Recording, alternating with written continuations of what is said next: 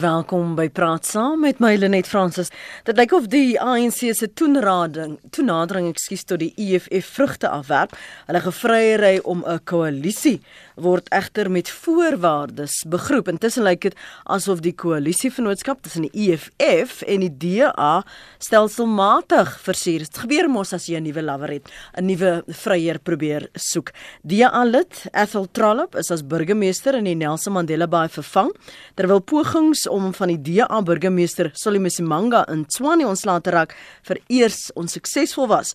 Die DA leier Musima Imani het gevra dat die leierskap van die twee partye samesprekings moet voer, maar die EFF het nog nie in die openbaar daarop gereageer nie so sommige mense maak as daar nuwe vryers op die toneel is. So ons praat oor die politieke verwikkelinge die afgelope 2 weke en hoe dit die 2019 verkiesing gaan beïnvloed. Ons gaste is Roland Henwood, politieke ontleder verbonde aan die Universiteit van Pretoria. Goeiemôre Roland, welkom. Goeiemôre, baie dankie. En ons gesels ook met professor Andre Duvenage, hy's 'n politieke ontleder verbonde aan Noordwes Universiteit se Potchefstroom kampus. Goeiemôre professor. Môre net môre Roland. Roland, toe die EFF in 2016 besluit het om deel te vorm um en die DA te ondersteun in 3 metro's as 'n koalisie vernoot. Wat was die gedagte daaraan want hulle politieke ideologie is wêreldverskillend? Ek dink die belangrike beginsel is hierso dat die EFF het homself nog nooit in 'n koalisie verbind nie. Hy het gesê hy sal partye ondersteun wat teen die ANC is. En dis die sleutelwoord. Die doel van die EFF was om die ANC uit posisies van mag uit te hou om hulle uitregering in plaaslike um, konteks uit te hou en om te keer dat hulle begrotings beheer.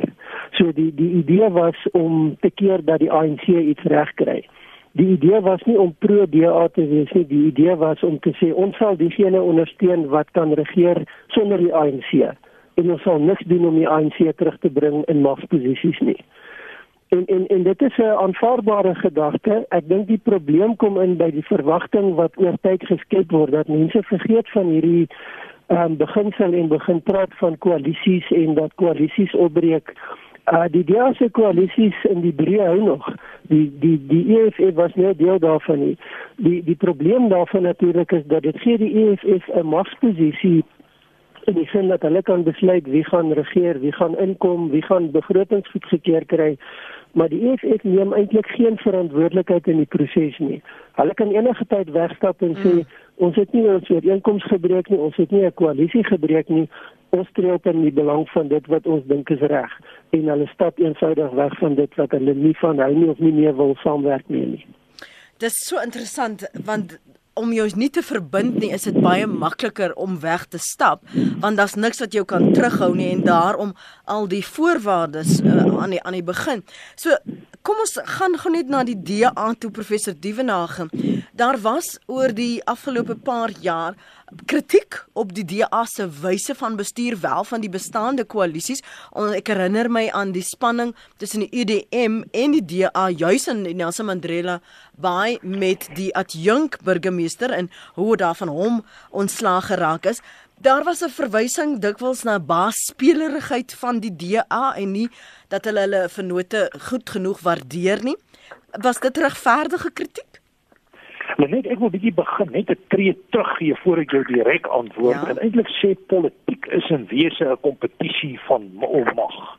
En jy kry dit dat akteurs kompeteer vir mag en baie keer kry jy dat akteurs saamwerk met die oogmerk om sekere doelwitte te bereik. Nou dit kan dikwels strategies wees, maar dit kan ook ideologies wees. Nou wat ons in Nelson Mandela 'n metropool sien is tot 'n groot mate strategiese oorwegings en die DA moes op 'n manier opportunisties werk. Hulle moes die lyne van die EFF kry, die UDM en 'n paar ander groeperinge ten einde 'n meerderheid teenoor die ANC te kon daarstel. Maar duidelik was hulle ideologies in verskillende kampe mm -hmm. en dit is nou ongeag die persoonlikhede wat uh, ter sprake is in hierdie geval.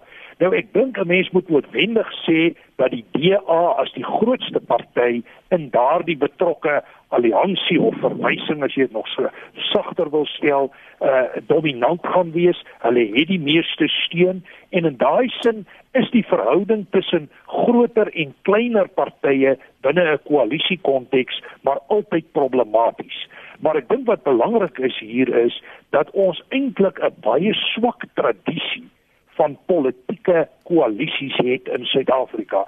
Ons is meer gewoond aan 'n meerderheidsparty wat beheer neem mm. in terme van kom ons noem dit nou maar 'n absolute meerderheid en is eintlik maar die uitsondering waar partye in koalisies met mekaar saamwerk. Nou as jy die tradisie ontleed, dan is dit vir my asof die DA as party waarskynlik die verste gevorder het in terme van die suksesse ten opsigte van koalisiepolitiek, maar soos ons dit sien, is dit maar altyd uh, 'n uh, wisselvallige proses, dis 'n onseker proses. Hy kan maklik uitmekaar val. Veral waar ons nou staan in die opbou na die belangrikste verkiesing waarskynlik sedert 94 waar ons eintlik met 'n rekonfigurasie van politieke kragte sit. En as jy net een aspek hier kan uitlig, die hele kwessie oor eiendomsreg en die besit van grond, plaas die EFF en die demokratiese alliansie in twee absoluut opponerende kampe en opponerende denkpatrone. So dis 'n kort die situasie, maar ek kry ook die beeld dat die ANC en die EFF in proses is om nader aan mekaar te beweeg met die EFF wat 'n baie opportunistiese strategie volg. Ons gaan net nou gesels oor daardie strategie en ook daardie toenadering tussen die ANC en die EFF. Ek wil terugkeer na die dinamika van hierdie koalisies. Help ons om dit te verstaan, Roland. Is daar 'n interafhanklikheid of is dit die een wat net 'n bietjie meer setels het wat die sweep tog uh, as 'n ware slaan? Ja, ek ek dink dis beide. Ehm um, as ons gaan kyk ook en en weer eens die die dis nie altyd so eenvoudig as wat dit lyk nie. Ehm um, Nelson Mandela by byvoorbeeld sit ons met 'n koalisie wat 'n meerderheid gehad het. En dis nie die oppositie of die EFF wat daai meerderheid weggevat het nie. Dit is dit wat binne die DA self gebeur het wat daai meerderheid vir hulle gekos het en hulle posisie as regerende party gekos het in in Johannesburg en in Tshwane Metro sit ons met die DA wat die grootste party is maar 'n minderheidsparty. Hulle het met ander woorde nie meer as 50% van die setels nie. En hulle is afhanklik van ander partye soos die EFF wat die naasgrootste party is wat hulle kan help om te regeer. Ehm um, hulle saam met die EFF het hulle meer stemme as die ANC byvoorbeeld. En dit maak dat hulle moontlik in 'n posisie is om te kan regeer. Die probleem wat hulle het is dat 'n party soos die EFF kan enige tyd wegstap want hulle het nie 'n formele ooreenkoms wat hulle verbind om te sê hoe ver hulle sal gaan, wat hulle sal doen en ook hoe hulle met mekaar moet saamwerk nie. Ek meen dit is maklik vir die EFF om te sê julle praat nie met ons nie. Die probleem is wat is die basis van waarop hulle moet praat? Hoe ver moet hulle gaan om hulle te verbind aan die EFF as DA? dan hoe ver kan die EFF eise stel aan die DA vir die DA sê hoorie maar dis nie meer vir ons om te werk nie vat julle steen en loop en en en dit is tog tot 'n mate die wat ons sien um, in in China byvoorbeeld waar die DA gesê het wel doen wat julle wil doen ons gaan nie eenvoudig alles prys gee om julle ter wille te wees as EFF nie want julle is 'n klein party alhoewel julle stemme het wat ons uh, setels het wat ons nodig het So die mens moet na die dinamika gaan kyk binne die konteks van waar dit plaasvind mm. en wat spesifiek gebeur. Ek dink ons moet ook versigtig wees om te probeer om hierdie ding te maak pas in 'n in 'n sin van een grootte pas almal. Ehm um, wat in Tshwane werk gaan nie noodwendig op die lang duur op 'n ander plek werk nie. Wat in Kaapstad gewerk het in die verlede, gaan nie noodwendig in die toekoms in Bloemfontein of Johannesburg werk nie. So ek dink 'n mens moet waarskynlik bietjie begin kyk na wat is die situasie op grondvlak in 'n bepaalde plek, dorp, streek mm. en en daar moet meer vryheid waarskynlik begin toegelaat word vir politieke rolspelers om op plaaslike vlak hulle self te kan organiseer rondom dit wat op daardie dorp of stad of daai gebied van belang gaan wees. Uh mhm. -huh. Ons ons gaan nie 'n model kry wat 'n ideaaltipe is wat sê reg oor Suid-Afrika as dit die dinge in die toekoms gaan werk nie. Die nadeel daarvan natuurlik is dat dit baie verwarrend kan wees en dit gaan dit baie moeilik maak om dit eenvoudig alles op dieselfde basis te interpreteer en te gaan beoordeel.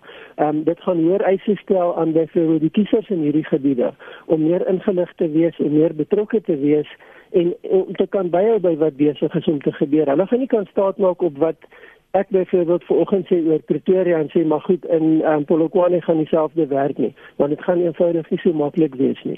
Uh, Dink jy dit is dalk een van die taktiese foute wat die DA begaan het omdat hulle die blou druk van die Weskaap op die ander metro's probeer dupliseer het?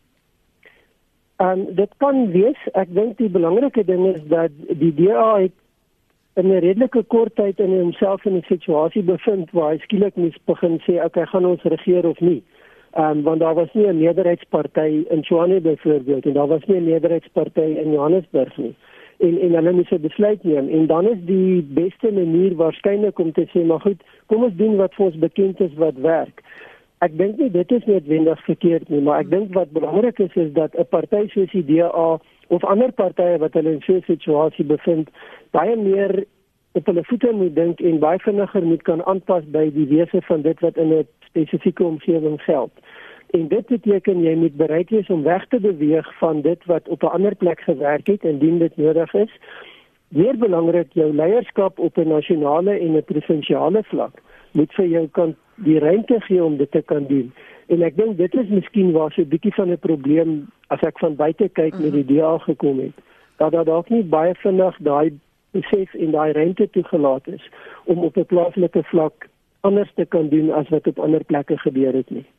So Andre, hoe hou jy daardie egos uit die weg? Hoe hoe maak jy seker wat die gesprekke of die geluide op makro vlak is dat dit deursuipel afsypel na na wat op 'n mikrovlak in die plaaslike regerings in Tshwane en um, Nelson Mandela met um, Nelson Mandela Metro en hier in Gauteng gebeur. Dat dit deursypel dat die boodskap deurkom en dat die persoonlikhede nie in die pad van daardie moontlike samewerking staan nie. Wel nee, dit is inderdaad 'n baie groot uitdaging en ek kan maar net op 'n breë vlak sê dat uh, dit's baie moeiliker om koalisiepolitiek te bedryf as kom ons sê die politiek van 'n dominante een party waar jy met een struktuur werk, waar jy basies met uh, een stel mense werk wat veronderstel is om min of meer eenders te dink.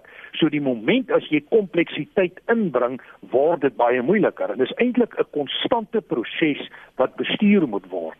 Nou omdat ons nie 'n baie sterk tradisie van koalisiepolitiek het nie, maak dit dit eintlik nog moeiliker. En eintlik op 'n manier is die demokratiese alliansie en ook ander partye besig om nuwe grond te breek in terme van hoe werk jy saam ten einde mag te kry, maar dan ook mag te behou. En ons sien dit is dit is glad nie maklik nie. Dit is 'n moeilike proses en soos Roland tereg ook opmerk, die konteks is uiters belangrik. Wat werk in Bloemfontein en in Sasolburg gaan nie noodwendig werk in Johannesburg of Tshwane nie. En dit beteken dat jy konstant moet werk aan verhoudinge, dat jy heeltyd moet bou, dat jy moet kommunikeer, dat jy jou hoër strukture van die party belyn hou met dit wat hier op laer vlakke as dit nou 'n plaaslike regeringskoalisie is aan die gang is. So dit is komplekse, moeilike politiek. Dit is nie nie ons ken dit nie baie goed nie. Ons is baie meer gewoond aan een party wat besluite neem en dit mm. afdwing en dan kom ons by 'n verkiesing en gewoonlik wen daar dieselfde party ook. Dit was die geval met die nasionale party en dit was tot 'n baie groot mate die geval met die ANC op enkele uitsonderings na provinsiaal en plaaslik sedert 1994. So ons is besig om 'n nuwe tradisie te vestig en te ontwikkel en ek wil net sê as ek vorentoe kyk en ons gaan seker later oor die 2019 verkiesing ja, praat, ja. dan is ek bereid om nou al die voorspelling te maak dat koalisiepolitiek vorentoe 'n baie groter deel van ons politieke werklikheid gaan word as as dit wat tans mm. die geval is. Wa waaraan waaraan skryf jy die spanning toe wat gebeur het daar in Nelson Mandela Bay? Um, want daar was die een mosie van wantroue na die ander en ons het spesifieke persoonlikhede na vore sien tree. Um en as ons kyk na die DA, EFF en UDM spanning daar, Is dit 'n geval dat dit net gegaan het oor persoonlikhede? Hoe is dit in stand gehou vir so lank? Um sedert daar die koalisie regering eh, en en partye daar bymekaar gekom het tot tot nou toe. Wel, ek moet ek moet eerlik sê dat dit is dis redelik kompleks. Mhm. Kyk, ek dink op 'n manier het uh, die DA nie heeltemal verwag om daar in beheer te kom nie en soos Roland reg sê, hulle moes oornag eintlik maar 'n regering vorm en uiteraard kyk wat is beskikbaar in terme van steenbasisse en dit bymekaar probeer gooi. En uiteindelik het persoonlikhede 'n baie belangrike rol gespeel. Ons weet dat Ethel Trollop is 'n redelike dominante persoonlikheid en hy het in konflik getree met veral ek dink dit was die onderburgemeester van UDM en die saak het toe later geeskaleer na hoër vlakke toe. Maar ek moet sê die rol van die EFF was ook baie prominent en 'n mens moet sê hier het jy baie sterk ondertone van 'n rasoriëntasie gekry dat hier politiek gedryf is op basis van 'n rassegrondslag die feit dat Ethel Trolle wit was was definitief deel van die pakket en deel van die motivering. En dan moet ek natuurlik ook sê is ons in die opbou na 2019 verkiesing, daar's baie stres, er geld en mag en kapasiteit binne veral hierdie groot metro's wat natuurlik polities gebruik en misbruik kan word uh in sekere omstandighede. En al hierdie faktore het saamgewerk om nou ek dink dis die vierde mosie van wantroue wat Ethel Trollop uiteindelik op sy knieë gebring het en ek moet sê op die oomblik is daar ook nog regsprosesse wat daar gevolg gaan word. Dis ook vir my interessant dat dieselfde strategie nou gebruik word in uh, Tshwane en ek verstaan tot 'n sekere mate in Johannesburg en ek moet sê dit gaan hier vir my oor geld en middele primêr vir die ANC. Die ANC is onder groot druk en van daar die groter toenadering tussen die EFF en die ANC want die EFF was soos Roland ook teregwys nooit baie sterk ingebind in daai alliansie nie. Hulle was ten beste 'n los wiel en hulle speel daar waar vir hulle meer voordeel is en met Zuma nou uit die prentjie en Ramaphosa in beheer van die ANC is die verhoudinge tussen die EFF en die ANC beter en sien ons 'n nuwe rol na vore tree vir die EFF. Deel jy Andre se sentiment Roland? Ja, ek ek, ek stem tot 'n groot mate saam. Ek dink as jy net van kyk na Nelson Mandela Bay, dan het jy 'n kombinasie van 'n uh, ander soortige dinamika. Ehm um, die die die verkiesingsuitslag daar was grootlikse reaksie op swak regering en eintlik die ineenstort van die ANC regering. Daar vir hele klomp ehm um, goed bekend geraak in die aanloop en net na die verkiesing wat ek dink die ANC daar baie seer gemaak het. En wat jy gekry het is 'n party wat inkom wat nie sterk meerderheid nie wat met ander moet saamwerk en nou kry jy die die konteks van die plaaslike politiek maar ook persoonlikhede. En en jy sit met moeilike persoonlikhede, jy sit met groot persoonlikhede wat skielik met mekaar moet saamwerk, wat kompromieë moet maak mm. en wat nie noodwendig gewoond is om dit te doen nie en en dit is waar die probleem kom. Ehm um, byvoorbeeld jy sit met 'n klomp teenstrydighede. Aan die een kant sit jy met die UDN wat baie goed saamwerk en tot op daai punt in die hele fase van die politieke mobilisering teen voormalige president Zuma sit jy met partye wat baie goed met mekaar saamgewerk het, goed oor die weg gekom het en dit het gelyk asof hier regtig 'n nuwe dinamika loskom. En dan skielik het jy hierdie plaaslike regering waar dieselfde partye dood eenvoudig nie met mekaar oor die weg kom nie. Hierdie en die idee het vandag eendag net nie gewerk nie. En dit waarskynlik het te doen met persoonlikhede meer as enigiets anders. Daai dinamika het nie in die res van Suid-Afrika op dieselfde manier uitgespeel nie. Maar afhangende van hoe dit op nasionale vlak hanteer word, kan dit dieselfde negatiewe effek hê. En dit sal interessant wees om te sien hoe byvoorbeeld die DA spesifiek Missie Maimane en Bantu Olomisa van UDM hmm. hulle verhouding in die toekoms gaan rig, want daar's nou konflik tussen hulle as gevolg van Nelson Mandela Bay. En en die vraag is hoe gaan dit verder uitspeel? Want hierdie partye het mekaar nodig. Die UDM gaan nie oorleef op sy eie in die klein politiek wat hy op die stadium speel en en nou kyk ons terug na die tendense wat tot nou uitgespeel het. Hy gaan nie 'n groot rolspeler word nie.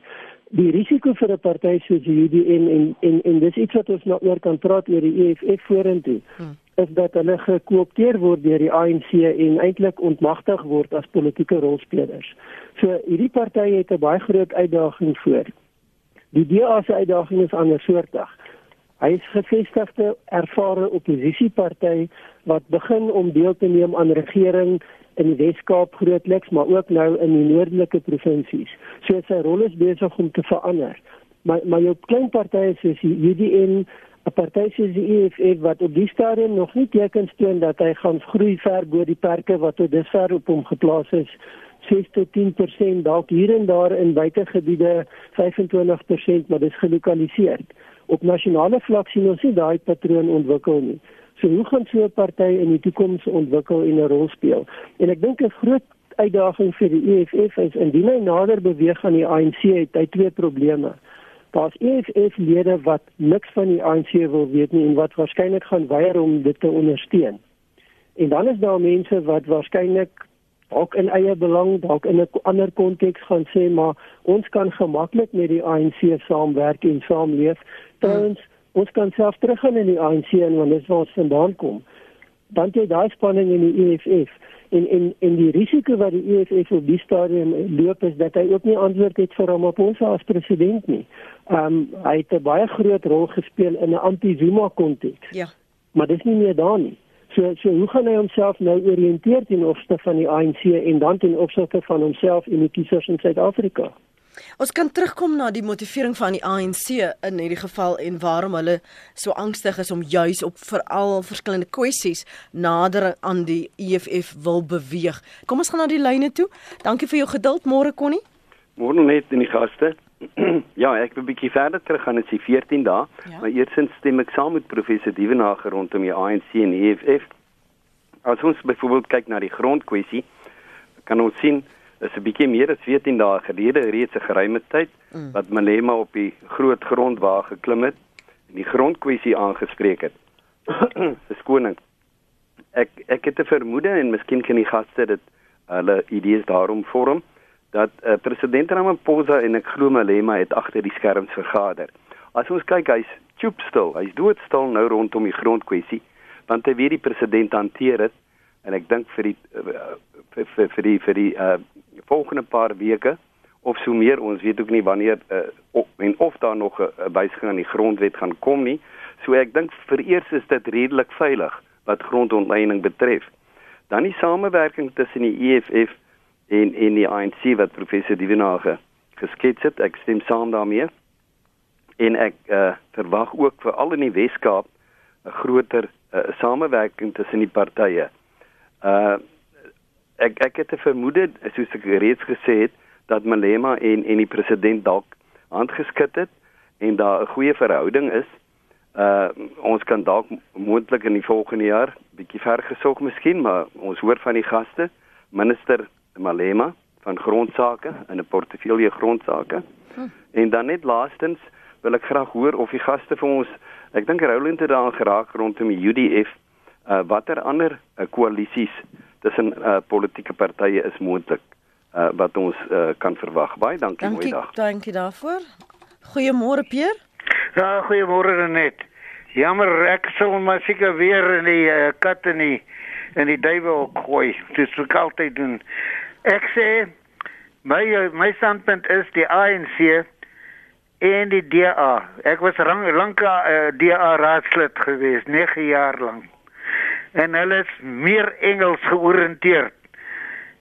Uit hulle probeer die Afrikaner uitwerk net waar hulle kan. As jy nou vat die howe, die skole, die universiteite, alles is vir Engels. Moet vir Engels. Die Afrikaner word uitgewerk oral. Daar's net een party wat hof toe gegaan het om die Afrikaans vir Afrikaans te beklei. Die ander het nie eens die moeite gedoen nie.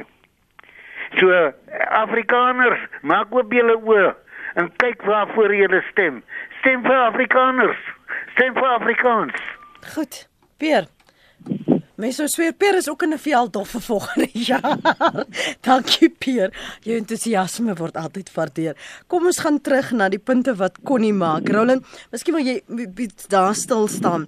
Hy hy wil hê ons moet gesels oor moontlike ander koalisies kom ek gaan dit neem neem dit terug na na die ANC en die motivering. Want toe is oud president Zuma nou uit die prentjie uit en nou het hulle te doen met Cyril Ramaphosa en ons het die gekorswel gesien uh, um, aan die begin met die sprake tussen uh Malema en Ramaphosa. So waar plaas jy daardie verhouding? En in in hoe ver het daardie verhouding 'n ripple effek op hierdie samewerking en vryery wat ons van die ANC se kant veral destyds gesien het na na die EFF en waar hulle hulle nou bevind. Ja, ek dink mense moet baie versigtig wees om namens partye te gaan praat en en te begin toedig aan partye. Ehm um, as ons teruggaan na die feitelike konteks, die die persoonlike verhouding tussen Malema en Ramaphosa lyk of dit baie goed is, maar maar dit is nie 'n goeie geskiedenis nie. Ons moet onthou dat Ramaphosa was direk betrokke by die skorsing van Malema uit die ANC uit. Ehm um, Malema het 'n geweldige persoonlike veldtog teen Ramaphosa gevoer rondom onder andere Marikana. So so daar's nie 'n geskiedenis van noodwendig broederskap en goeie gesindheid tussen hulle nie. Ehm um, daar's 'n generasiegaping, daar's diep verdeeldheid tussen hulle teruggaan na die ANC. Ehm um, toe Malema nog baie nou verbonde was aan president Zuma en Ramaphosa nie noodwendig deel van daai binnekring was nie. So ek dink nie mense kan dood eenvoudig sê dat die groot vrede het nou neergedaal en hulle kan nie wag om in mekaar se arms in te stap nie. Ek dink ons gaan nog ander aspekte sien uitspeel op hierdie proses. Die die feit van die saak is net dat Malema het nie antwoord op die stadium. Hy is nie kompetisie vir Ramaphosa as politikus nie. Die die die die posisie wat president Ramaphosa het in die politiek is redelik sterk. Um, hy geniet wye steun binne en buite die ANC en die EFF het nie antwoord daarop nie. Ek dink die EFF het waarskynlik ook begin kyk na hulle strategie wat hulle volg en sê maar dit help nie om Ramaphosa die hele tyd te probeer swart smeer nie want jy verf jouself in 'n hoek in. Daar's dalk 'n pragmatiese beginsel in die sin van ehm um, as jy nie kan wen teen hom nie dan moet jy dalk lyk of jy met hom saamwerk, maar ek dink daar's ook opportunisme hierby en en 'n deel daarvan lê rondom wat gaan met grond gebeur. Op die stadium dink ek mense is versigtiger oor vir uitsprake rondom grond as wat hulle dalk 6 maande terug was. Ons sien wat besig is om te gebeur in die debat, die emosies, maar ook die ander aspekte wat daardeur beïnvloed word, onder andere die ekonomie. Ehm um, so ek ek dink daar is 'n mate van kom ons kyk wat gebeur in die prosesse, kom ons volg die prosesse en en sien waar dit ons gaan bring. Ehm um, indien die EFF nie kry wat hy wil hê nie, gaan hy nie noodwendig Ramaphosa ondersteun as dit kom by 'n wysiging van die grondwet nie. Ehm um, dit kan eh, 'n uh, kaart wees wat die EFF later speel nader aan die verkiesing. En en ek dink dis die laaste punt. 'n Baie groot deel van wat nou gebeur, gaan nog beïnvloed word deur die proses van verkiesing wat volgende jaar gaan gebeur. Mm. So ek dink nie partye het hulle self afgesluit en ingesluit in spesifieke posisies nie. Ek dink daar's 'n groot mate van vloeibaarheid wat nog na vore gaan kom soos wat ons nader kom aan die verkiesing. En en dit geld al die politieke partye. Ek dink baie moeilik op die stadium is 'n heel klein politieke partye want hulle is tot 'n groot mate op die rand van die politiek Hulle het 'n groot rol begin speel in in die proses om die swak regering, korrupsie en en die foute van president Zuma aan die kaak te stel en was deel van 'n proses om dit te doen, baie publisiteit gekry, maar dit het nou grootliks op die agtergrond verdwyn en saam met daai proses het 'n klomp van die kleiner partye ook so 'n bietjie weer op die kantlyn geskuif. Mm. So ek dink dit is moeilike tye vir kleiner partye in vergelyking met waar dit dalk 18 maande terug hulle self in die politiek gesien het. Ek herinner my Panjasa Lesofie hier in Gauteng het in 'n een of ander onderhoud gesê dat die ANC moes nooit van Julius Malema ontslaag geraak het nie, eh, Andre en Roland. So is, is daardie invloed veral die aantrekkingskrag van 'n jonger ehm um, groep kiesers is dit vir die ANC aanloklik Roland veral as jy dink dat die ANC jeugliga amper nie meer stem het nie. Ek dink dit is baie belangrik en en as my twee dimensies, 'n mens moet gaan kyk na wie wat sê en en daar's baie gerugte dat Lesofie baie na op 'n persoonlike vlak aan Malema as dat hulle 'n lang geskiedenis het, alhoewel hulle nou in twee partye sit. Ehm um, en en ek dink generasie, ek het net daarna verwys speel 'n rol hier Wat belangrik is as ons kyk na die jeugstem is dat alhoewel ons jeug polities aktief en bewus is, neem hulle nie deel aan formele politiek nie. Hulle registreer nie in groot getalle nie, hulle gaan stem nie in groot getalle nie. So ek dink dit is dalk deel van die probleem van die EFF is dat alhoewel hy omrig tot daai kategorie van kiesers, maak hy nie regtig vordering om om hulle te kry om vir hom te stem nie. En en dit is waarskynlik waar die ANC nog steeds beter af is want 'n groot deel van sy kiesers is ouer kiesers en is mense wat gaan deelneem as gevolg van 'n klomp redes wat maak dat ouer mense meer gereedelik bereid is om deel te neem aan formele politiek soos verkiesings. Ehm um, of dit in die toekoms sou gaan bly, ja, dit weet ons nie. Mense moet kyk hoe dit gaan uitspeel. Maar daar's niks wat op die stadium vir ons aandui dat daai dinamika besig is om dramaties te verander nie. Andre, jy het net gepraat oor, oor persoonlikhede en ek het dit verder geneem na na egos kom ons gooi vorentoe na 2019 toe en die wat nou sigbare leiers is. Is dit genoeg vir vir vir as 'n trekpleister as 'n oortuiging 'n uh, oortuiging vir 'n kiezer wat dalk onseker is? Is 'n 'n persoonlikheid soos 'n Musi Maimane, 'n Julius Malema, 'n Bantu Lumisa genoeg om mense te ooreed om te gaan stem? Veral as jy praat oor generasies en wat gaan dan nou die Cyril Ramaphosa ek sies ek het hom nou uitgesluit. Is hulle genoeg van 'n trekpleister om mense tot uh, of kiesers tot by 'n uh, stembus te kry en te lok? Net dit lê by die tradisie en geskiedenis van hoe partye funksioneer in 'n Suid-Afrikaanse konteks. En ons het ook gegeewe die proporsionele lysstelsel het ons 'n baie sterk leierskap geïdentifiseerde politieke proses waar die leier van die betrokke politieke party eintlik die hoofsimbool word waarom die politieke geveg en die organisasie en mobilisasie van steun moet plaasvind. Daarom gaan ons die Musi Maimanis, die Cyril Ramaphosa's, die Julius Malemas, die Bantu Holomisas en so meer op 'n gereelde basis sien. Of dit werklik genoeg is, dit is vir my heeltemal 'n ander filosofiese vraag. Ek dink nie jy kan politiek en politieke prosesse reduseer tot die rol van 'n bepaalde leier nie. Hmm. Daar sou ek veel eerder wou sien dat daar sterker op beleidskontekste gekonsentreer word. Maar dit is baie interessant dat baie van die partye se beleidsdefinisies eintlik baie swak ontwikkel is. En as jy regtig wil gaan kyk waarvoor staan 'n betrokke politieke party, dan moet jy dikwels teruggaan en maar hoor wat hulle leierskap gesê het. So ek dink daar is 'n probleem, maar die feit dat leiers 'n rol gaan speel is ongetwyfeld so dat die party gaan hulle bes doen om daai leierskapprofiele te bevorder en ek dink daar is dit baie waar dat meneer Ramaphosa 'n bepaalde impak maak in sekere omgewings. Hy hou 'n bedreiging in vir byvoorbeeld eh uh, die die Julius Malema lyn ten opsigte van grond of die ontleikende steenbasisse wat die DA getrek het in jou stedelike middelklas omgewings veral onder die swart mense. So hier is 'n dinamika daar wat ek dink meneer Ramaphosa kan speel, maar aan die ander kant is dit ook baie waar dat meneer Malema groot steun geniet binne die ANC.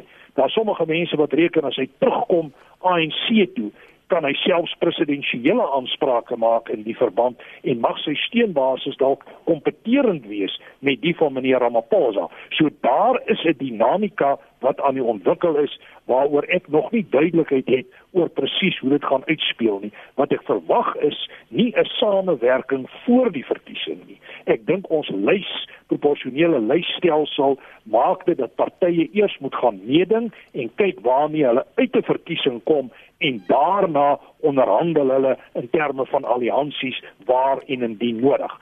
Maar leierskap krities belangrik, maar die dinamika wat hier uitspeel op die oomblik in terme van die rekonfigurasie van politiek is baie moeilik voorspelbaar. Ek kan net vinnig sê dat as ek ideologies kyk, dan sien ek aan die een kant partye soos die Vryheidsfront plus Cope tot 'n sekere mate die IFP, die ACDP en die DA wat kan groepeer aan die ander kant ongetwyfeld die ANC, die EFF, ons weet nie wat se groeperinge kan kom uit die SAKP Kusatu omgewing nie en dan werk ons ook met die moontlikheid van 'n nuwe party wat uit die Zuma geledinge tot stand om wat die naam dra van 'n African Transformation Party. So al hierdie dinamikas moet uitspeel na 2019 en ek dink dit maak dit 'n redelike onseker verkiesing met 'n sterk moontlikheid of ten minste 'n scenario dat die ANC kan opeindig selfs sonder 'n meerderheid veral as die die Zuma groeperinge besluit om nie hulle steun te gee vir die Ramaphosa georiënteerde ANC nie. Albert is op lyn 2. Goeiemôre Albert. Môre net. Uh, ek wil net na 'n verbandhoudende televisieprogram verwys wat ek gesien het op die 22ste April. Baie mense wonder wat gaan aan met al hierdie onluste in die roeringe. Dit het alles uh, uh, uh, betrekking op wat vorentoe gaan gebeur tussen partye. maar meneer Zuma het gepraat met 'n groep van die BLF En ek onthou goed, Zuma het gesê, meneer Zuma het gesê daar is drie pilare waarop eenheid staan. En onthou nou op daai stadium was hy alles behalwe eenheid, maar hy het verwys na wat hulle van plan is. Hy het gesê die die die eerste pilaar is eenheid. Die tweede pilaar het hy gesê is grond. En hy het groot applous gekry van die BLF Blackland First Nations wat teenwoordig was. En toe het hy gesê, and the last pillar is the security. Nou toe ek daai ding gesien het die aand wat ek toevallig deurgeblaai het deur die televisiekanale, toe het ek myself gesê, hier kom 'n groot aanslag oor die hele Suid-Afrika. Die opmerking wat ek maak is net sonder enige twyfel het hierdie bekleier van meneer Zuma en sy trawante aan die agtergrond oor grond en die Blackland First wat ek glo soos Helen Zille gesê het betrokke is by die meeste van hierdie aksies by oomblik ook 'n invloed oor hoe koalisie politiek vorentoe gaan uitspeel. Ek dink meneer Zuma en sy groep is baie baie goed georganiseer met disorganisasie. Dankie Lenet. Dankie Albert en Johan, jy's in KwaZulu-Natal. Môre. Goeiemôre Lenet. Ehm um, ek wonder of daar ooit 'n verkiesing gaan plaasvind en ek hoor jou gaste praat so lekker oor partyskap en dit en dat. Ek dink hier is 'n ander probleempie wat ons bietjie baie ernstig na moet gaan kyk. Wat gesê word en wat gedoen word is twee verskillende goeders. Wat sê die beleidsdokumente van die ANC? Gaan lees dit. Dis skrikwekkend. Dis eisenswekkend as jy sien wat daar aangaan. Hoe vernietig hulle stelselmatig sistemies elke ding? Waar is die president van die land? Hierdie land brand. Elke dag word daar ten minste 2, 3 maatskappye besighede afgebrand tot op die grond. Waar is die president? Daai mense wat vandag se besigheid gister afgebrand, hulle volgens die werk nie. Hoekom word daar nie gepraat? Ons het eintlik 'n noodsituasie en ek dink hy gaan dalk afgekondig word. Maar kom ons gaan staan vir 'n oomblik stil. Daar's 'n ander ding wat meneer Ramaphosa baie duidelik gestel het. Hy het nou die dag gesê op die AU beraad it is now time to in, to implement the new world order. Hier is 'n wêreldorde wat in werking gestel word, maar ons word besig hou met beselagtighede. Gaan kyk wat beteken die nuwe wêreldorde. Ek sien daar is die eerste muntstuk is klaar gedruk vir die eerste R5 muntstuk is klaar gedruk vir die wêreldorde. Nou ja, maar met dit wil ek sê, ons as Afrikaners, ons boere Afrikaners, gaan nie hierdie nonsens vat nie. Hier gaan as hierdie ouens gaan voortgaan. Ek sê ek is nou georganiseer daarvan, maar ek sê die, die bloed gaan loop. Die manne moet pas op. Ons word nie aan 'n blik gedruk. Julle kan lieg net soos hulle wil. Ons glo nie hierdie mense nie. Moenie met ons kom speel nie. Julle gaan moeilikheid optel as jy Afrikaner kwaad maak. Ons het baie oorlog het ons al gewen waar ons 1 teen 1000 teen 1000 geveg het. Ons gaan nie verloor. Dis Johan se Pas op daarvoor. Pas op daarvoor. Dis Johan se waarskuwing daarvan uit KwaZulu-Natal. Jody sal die ander oproepe ook fasiliteer as jy saam wil gesels of wil reageer op wat ons luisteraars of ons gaste sê vanmôre. 0891104553. Ons gaste is Roland Henwood, politieke onlede verbonde aan die Universiteit van Pretoria en professor Andre Dievenage, politieke onlede verbonde aan Noordwes Universiteit se Potchefstroom kampus. Ons praat oor die laaste 2, 3 weke, selfs vroeër soos kon die reg daarna verwys het vir politieke verwikkelinge en die invloed wat dit moontlik kan hê op die 2019 plaaslike verkiesing. Hier skryf um, Louis van Niekerk Graag sal ek net wil vra, kan hierdie destruktiewe politiek van die EFF en die ANC 'n negatiewe effek inhou in die 2019 verkiesing vir hierdie twee partye en die ander kleiner partye wat uit hierdie gesprekke uitgesluit word, soos Cope en die Vryheidsfront Plus, waar laat dit hulle? vra Louis van die Kerk. Bessie skryf weer tussen 2000 en 2011 het ek as enkeling ook in 'n koalisie saamgewerk met die DA. Die DA het egter geen respek vir die koalisievennote nie Nooit is na my ondersteuners se belange omgesien nie. Ek was net daar om my hand op te steek om DA belange te dien. Die DA was altyd voorgehou as die party wat omstandighede verbeter, nooit die koalisie of ander partye wat bygedra het nie. Toe ek dreig om uit die koalisie te loop en dit toe wel later gedoen het, het die koalisie geval. 'n Voorblad advertensie is deur die DA met belastingbetalers geld in ons plaaslike koerant geplaas om my te beswadder en te sê hoe sleg ek is. Weer DA nooit. Nick Rautenbach sê die ANC gaan weer gemaklik wen aangesien hulle daarin geslaag het om twyfel te skep aan hul sterkste opposisies se geloofwaardigheid. Stemme gaan baie meer verdeel wees onder opposisiepartye. Ek het net die gevoel dat meneer Ramaphosa se leierskap na die verkiesing uitgewerk gaan word aangesien sy leierskap 'n bedreiging inhou vir die meerderheid binne die regerende party. Die groter ANC zoektas en net nie 'n manier om dit af te skud nie behalwe om die publiek gedurig 'n rad voor die oë te draai nie.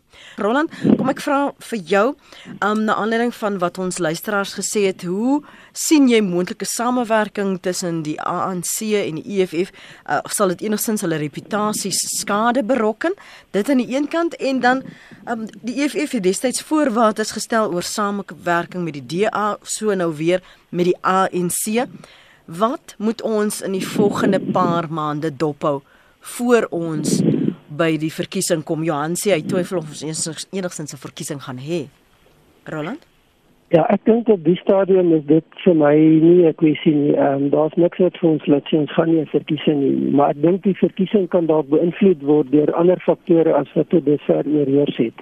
En um, die die baie emosionele debat oor grond was 'n groot kwessie sover gewees van Februarie af in ons politiek en ek dink die ekonomiese realiteite begin nou inskop en dit plaas die regering onder druk. Ek dink die die die ehm um, konteks waarbinne meneer Ramaphosa optree is nie net binne die ANC nie, maar dit is binne die groter Suid-Afrika en dan is dit ook binne die streek en binne die wêreld en daai faktore gaan waarskynlik baie meer prominente invloed uitoefen as wat tot dusver dalk sigbaar was. Die die die rol van partye, ek dink op die stadium gaan partye waarskynlik meer na hulle self kyk, sien hoe goed hulle kan doen in die verkiesing. Ehm um, en en dan sal ons in in anderheid net nou daarna verwys. Ek dink dan sal hulle kyk na die verkiesing afhangende van prestasie en afhangende van spesifieke probleme wat dalk mag ontwikkel die partye hulle self gaan posisioneer. Dit lyk asof die ANC op die stadium redelik gemaklik geposisioneer is onder die leierskap van president Ramaphosa. As persoon geniet hy wye steun binne en buite die party. Ehm um, sy groot uitdaging lê binne die ANC as party. Die verdeeldheid in die ANC en die konflik in die ANC is wat hom lam lê op die stadium. Maar dit lyk nie asof dieselfde beperkings tot dit um, op hom gelewer word van buite die party nie. En en dit gee vir hom dalk 'n bietjie meer vryheid van beweging. Ehm um, ander partye het 'n groot uitdaging. Dit is nie so maklik om die ANC nou aan te vat as wat dit 18 maande terug en selfs 6 maande terug was nie. So daar moet mooi gedink word hoe hulle self gaan posisioneer en wat hulle gaan doen. Ek ek dink net 'n laaste punt die die die eenvoud wat jy mens nie moet maak nie is om beide die EFF en die ANC as twee homogene blokke te sien wat gemaklik met mekaar kan saamwerk. Ek dink dit is bietjie meer genuanceerd daar is verdeeldheid en spanning binne die ANC, dit weet ons, maar daar is ook verdeeldheid en spanning binne die EFF. En nie almal binne die EFF wil teruggaan ANC toe en wil met die ANC saamwerk nie. Tot dieselfde mate nie almal in die ANC is ewe gemaklik en ewe opgewonde om die EFF net te gaan wil terugontvang nie. So daar's ander dinamika wat wat nog gaan moet uitspeel en hanteer moet word voor ons kom by hierdie ek wil baie neem die maklike eenvoudige oplossing van A en B gaan met mekaar saamwerk om seker te bereik. Dit dit gaan waarskynlik nie so uitwerk in ons politiek nie. Andre sluit vir ons af. Hulle uh, net ja, ek wil begin. Ek stem met Roland saam. Ons gaan definitief 'n verkiesing hou waarskynlik hier tussen Maart en Mei volgende jaar. Ek dink dit gaan 'n waterskeidingsverkiesing wees afhangende van die dinamikas binne die ANC. Uh, kan ons met 'n scenario sit waar geen party 'n volstrekte meerderheid het nie en waar koalisiepolitiek baie sterker na vore gaan kom en dit kan veral die verhouding tussen die EFF en die ANC baie direk raak.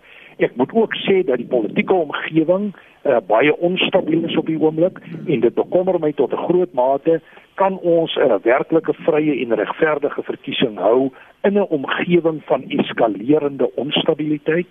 En dan moet mens ook byvoeg en sê dat uh, op die oomblik wil dit voorkom of die ekonomie in 'n baie sterk afwaartse siklus is en dit stel groter eise in ander omgewings wat weer geweldige druk op die Ramaphosa regering plaas. So hier's 'n klomp veranderlikes, die uitkomste hiervan eintlik baie moeilik voorspelbaar op die stadium, maar ek moet sê dat ek verwag dat die ANC steeds die dominante party sal wees, maar waarskynlik kan sit sonder 'n absolute meerderheid.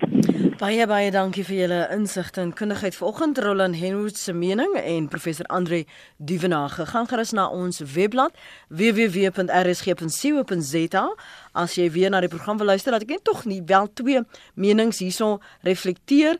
Die ANC en EFF is instrumente in die hand van Satan. Sonder hulle kan Satan nie sy vernietiging doen nie skryf Petro en dan skryf waar is Emmy uit George o jemmel net asseblief alle Afrikaanse boere stem glad nie saam met Johan uit KwaZulu-Natal nie. Daar is geen rede om so te raas en te blaas nie. So dit is uh, van ons luisteraars vroue luisteraars se menings hier op RSG baie dankie vir die terugvoer dankie vir die saamgesels. DV môre oggend in die omgewing van 5 minute oor 8 dan maak ons weer so